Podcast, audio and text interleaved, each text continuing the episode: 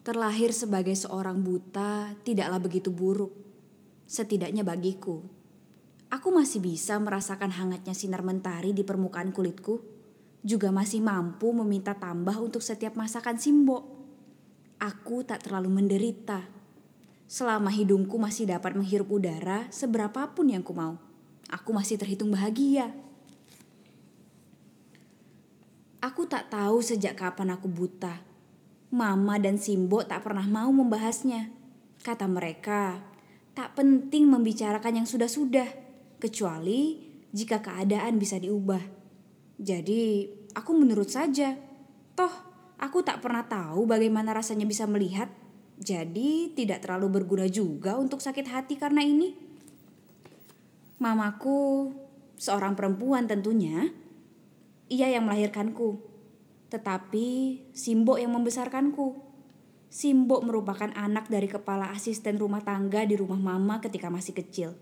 Katanya, ketika mama mengandungku, Simbo yang sudah tiga kali kawin cerai dan tak punya anak pun jadi iba. Lalu memutuskan untuk tak pernah menikah lagi dan membantu membesarkanku. Aku tak tahu mengapa Simbo iba pada mama kala itu. Mungkinkah karena setiap janin membawa petaka? Tanyaku padanya. Simbo tergelak sedikit, kemudian berkata bahwa aku adalah keberuntungannya. Sejak saat itu aku tahu, aku tak boleh lagi bertanya seperti itu. Rutinitas di rumahku konstan sama setiap hari. Mama dan Simbo bangun pagi. Kemudian mama berangkat ke kantornya dan Simbo membereskan rumah sebelum membangunkanku. Setelahnya aku bersiap dan menunggu di teras sampai guru privatku tiba. Mama mungkin bisa saja memasukkanku ke sekolah khusus, tapi nyatanya tidak. Guruku seorang laki-laki. Pertama, ia mengajariku membaca dengan huruf braille di usiaku yang genap enam tahun. Dilanjutkan dengan teori gravitasi Newton ketika umurku 10 tahun dan teori Comte tentang tiga tahap perkembangan intelektual ketika umurku 15. Sempat kukira ia pacar mama. Ayahku mungkin. Dan ia terdengar mendengus kesal sambil berkata. Mamamu lebih tua dariku. Aku tak tahu apa yang salah jika mamaku lebih tua darinya. Kalaupun memang betul ia pacar mama, aku tidak keberatan. Itu artinya mamaku akan punya teman dan tidak sendirian lagi. Tapi tidak, aku bohong. Aku terbiasa dengan mama yang bersikap seadanya cenderung dingin. Tak dapat kubayangkan jika suatu hari nanti mama berubah hangat karena hal yang disebut cinta. Dan lagi, memangnya apa itu cinta? Kamu membenci ayahmu? Aku tidak membencinya, hanya tidak mencintainya. Mengapa begitu? Sama seperti melihat, aku tak pernah merasakan punya ayah. Aku tidak bisa membenci apa yang tak pernah kumiliki. Memangnya kenapa? Kau ayahku? Atau kau mau jadi ayahku? Mamahmu lebih tua dariku.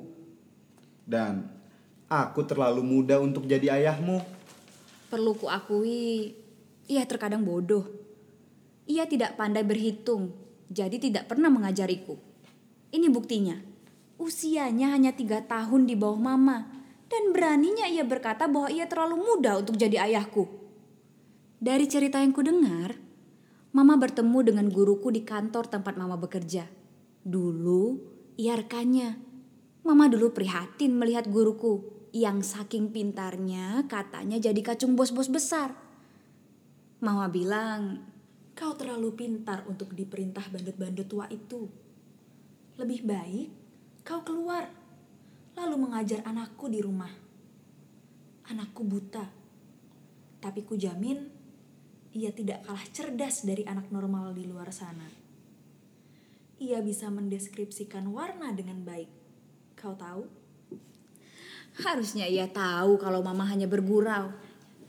Namun keesokan harinya ia memutuskan untuk keluar dari kantor, lalu sebagai gantinya ia datang ke rumahku. Selama hampir 12 tahun tanpa satu hari pun alpa, Sabtu dan Minggu tidak dihitung tentunya. Padahal upah yang didapatkan dari mengajariku tidaklah sebanding dengan gaji yang diterimanya dari kerja kantoran. Entah kenapa dia begitu betah. Mungkin ia betul anak sir mama. Atau lidahnya sudah kecanduan masakan Simbo sepertiku. Bisa jadi juga ia menderita penyakit kronis yang sama denganku. Kesepian stadium akhir. Sebagai sesama orang kesepian, tentulah kami harus saling menemani. Kau tak sopan, Mir. Harusnya kau panggil aku Pak Guru atau Kak, bukan hanya memanggil namaku. Tiba-tiba ia memecah keningan di antara kami. Aku hanya diam karena tak tahu apa yang harus kukatakan padanya. Aku tak tahu bagaimana caranya bersikap sopan terhadap orang lain selain Simbok dan Mama. Aku meniru apa pun yang mereka lakukan. Saat pertama kali bertemu dengannya, Mama memperkenalkan dengan seorang pria bernama Baruna, bukan Pak Guru. Ayolah, aku tidak bodoh. Aku tahu ia adalah guruku. Namun, di mataku yang hanya bisa melihat hitam ini, ia tetaplah Baruna, guruku, bukan Pak Guru, guruku. Toh, Mama dan Simbo juga tidak pernah meralat panggilanku terhadapnya. Satu-satunya teman yang kupunya adalah Baruna. Mama sibuk bekerja. Simbo lebih rajin mempelajari resep baru ketimbang ngobrol denganku. Baruna baik, tubuhnya tinggi, dan jika matahari sudah terlalu menyengat dan menyilaukan, ia langsung pasang badan di depan jendela agar aku tidak terkena sinar matahari langsung. Sungguh, sangat menyenangkan berada di dekatnya. Kali ini aku jujur, aku tidak keberatan jika ia jadi ayahku. Rutinitasku yang sama setiap hari berubah di suatu hari yang sejak awal kurasa janggal. Baruna menghentikan pelajaran sebelum waktunya, dan Simbo membuatkan sop ayam yang keasinan sampai aku ragu apakah itu betul buatan Simbo atau bukan. Semuanya terasa begitu lamban. Aku bosan luar biasa. Kesal juga karena masakan Simbo tumben-tumbennya tidak ada yang terasa lezat. Aku meringkuk di dalam selimutku, merasa terlalu gelisah untuk keluar. Baruna belum pergi, aku tahu. Mama biasanya pulang larut. Masakan Simbo sedang tidak enak, dan suasana hatiku tidak secerah biasanya untuk diajak tertawa bersama. Jadi entah apa yang membuatnya begitu betah di rumahku hari ini. Kegundahanku meredah sudah saat mama datang lebih awal dari waktunya. Mama membawa seseorang, hal yang tak lazim mama lakukan kecuali saat tiba giliran rumah kami yang jadi tuan rumah arisan kompleks. Seorang laki-laki yang bertubuh tak kalah tinggi dari Baruna. Karena tubuhnya menghalangi sinar matahari untukku, Wangi parfumnya sungguh maskulin dan suara decit sepatunya yang beradu dengan ubin membuatku ingin bertaruh pasti malam sebelumnya sudah disemir sampai mengilat. Lelaki itu menjabat tanganku. Juga Simbo dan Baruna. Tangannya bergetar dan licin karena keringat. Ia lalu duduk di sampingku dan tanpa kuduga-duga menangis. Isaknya terdengar jelas meski sesudahnya diredam. Tubuhnya yang berguncang juga ikut mengguncang sofa tempat kami duduk. Aku sungguh merasa tidak nyaman. Laki-laki itu bilang, ia adalah ayahku. Ia meminta maaf karena hampir 17 tahun tak pernah berusaha bertemu denganku. Salahnya karena meninggalkan aku dan mama membawa segala ketidakpercayaan dirinya belasan tahun yang lalu. Malamnya, Aku tidak bisa tidur sama sekali memikirkan sosok yang tak pernah kupedulikan keberadaannya tiba-tiba datang. Aku tidak siap. Hari-hari selanjutnya ayahku rutin datang berkunjung tiap sore. Dibawakannya susu kedelai kesukaanku tiap hari dan sekeranjang buah segar di akhir minggu. Ayah bilang, dulu ditinggalkannya mama yang sedang hamil besar karena ia malu. Hanya bisa menafkahi calon bayinya dengan sufor murahan Sungguh alasan yang tak bisa kutolerir. Tetapi tetap kumaafkan karena ia adalah orang yang sebenarnya menyenangkan. Aku menawarinya untuk tinggal di rumah. Tidak, katanya. Untuk menemui mama dan aku saja butuh rasa tak tahu malu yang besar. Apalagi untuk tinggal bersama kami. Ah, andai dari dulu aku tahu betapa serunya mempunyai seorang ayah. Aku pasti tak keberatan jika tumbuh besar hanya dengan minum sufor murahan. Tak ada perubahan yang begitu drastis sejak kehadiran ayah di hidupku. Mama tetap pulang sore dan sikapnya masih seadanya cenderung dingin. Masakan Simbo hanya tidak enak di suatu hari janggal dan istimewa itu. Setelahnya tetap menjadi candu untuk lidahku. Yang berbeda hanyalah berkurangnya intensitas kedatangan Baruna ke rumahku seperti sebelum kehadiran ayah. Aku tidak kesepian karena sekarang ayah menemani Tiku tiap sore. Hanya aku takut ia ternyata menghindari mama karena cemburu dengan ayah. Bagaimanapun juga, ia sosok yang cukup berarti di hidupku. Aku tak mau membiarkannya sedih. Jadi ku telepon dia di suatu malam setelah berminggu-minggu tak lagi datang. Kau tak pernah datang lagi. Kau cemburu pada ayah. Tenang saja.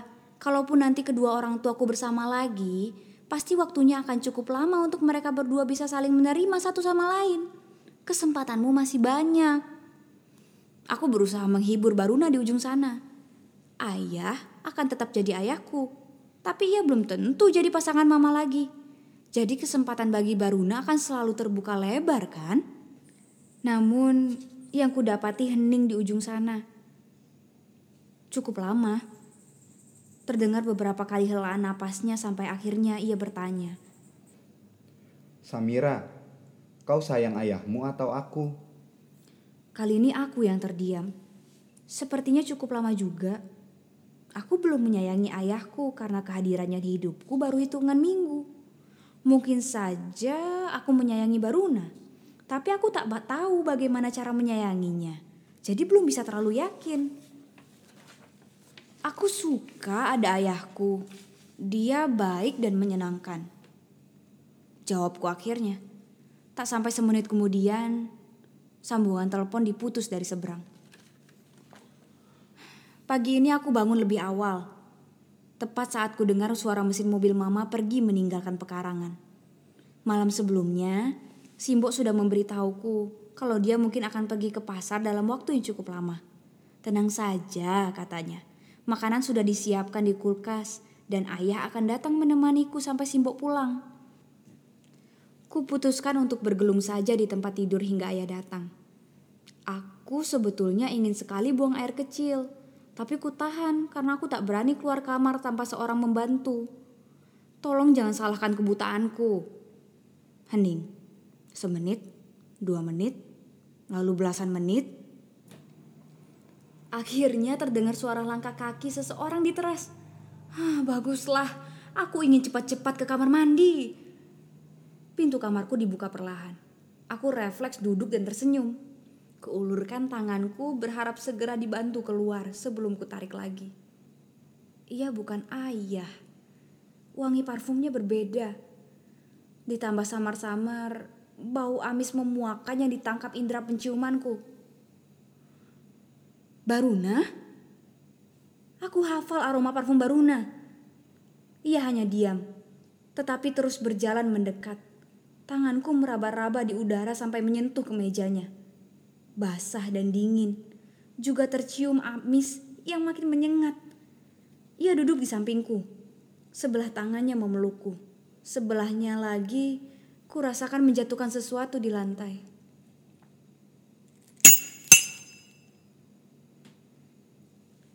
Ayahmu di luar. Maaf. Tubuhku seketika menggigil saat pelukan Baruna semakin erat. Lama-lama seluruh ototku jadi mati rasa. Baruna juga tak kunjung bergerak. Amis yang menempel pada kemeja Baruna membuatku pusing. Sepertinya aku mau ngompol karena celanaku basah. Baruna kesepian. Sama sepertiku. Ia dibesarkan neneknya karena kedua orang tuanya terlalu sibuk bertengkar lalu lupa memperhatikannya. Selama tahunan ia bolak-balik ke psikiater. Sampai aku tak ingat kapan tepatnya terakhir kali ia pergi menebus obat. Ia bilang, ia sudah bahagia meski kadang masih kesepian. Jadilah kami sebagai sesama orang kesepian harus saling menemani. Tahukah kau Mir? Nenekku pernah bilang kalau Baruna artinya penguasa lautan. Mamamu juga bilang namamu Samira diambil dari kata Mir yang berarti laut dalam bahasa Jerman. Aku bersyukur kita bertemu Mir.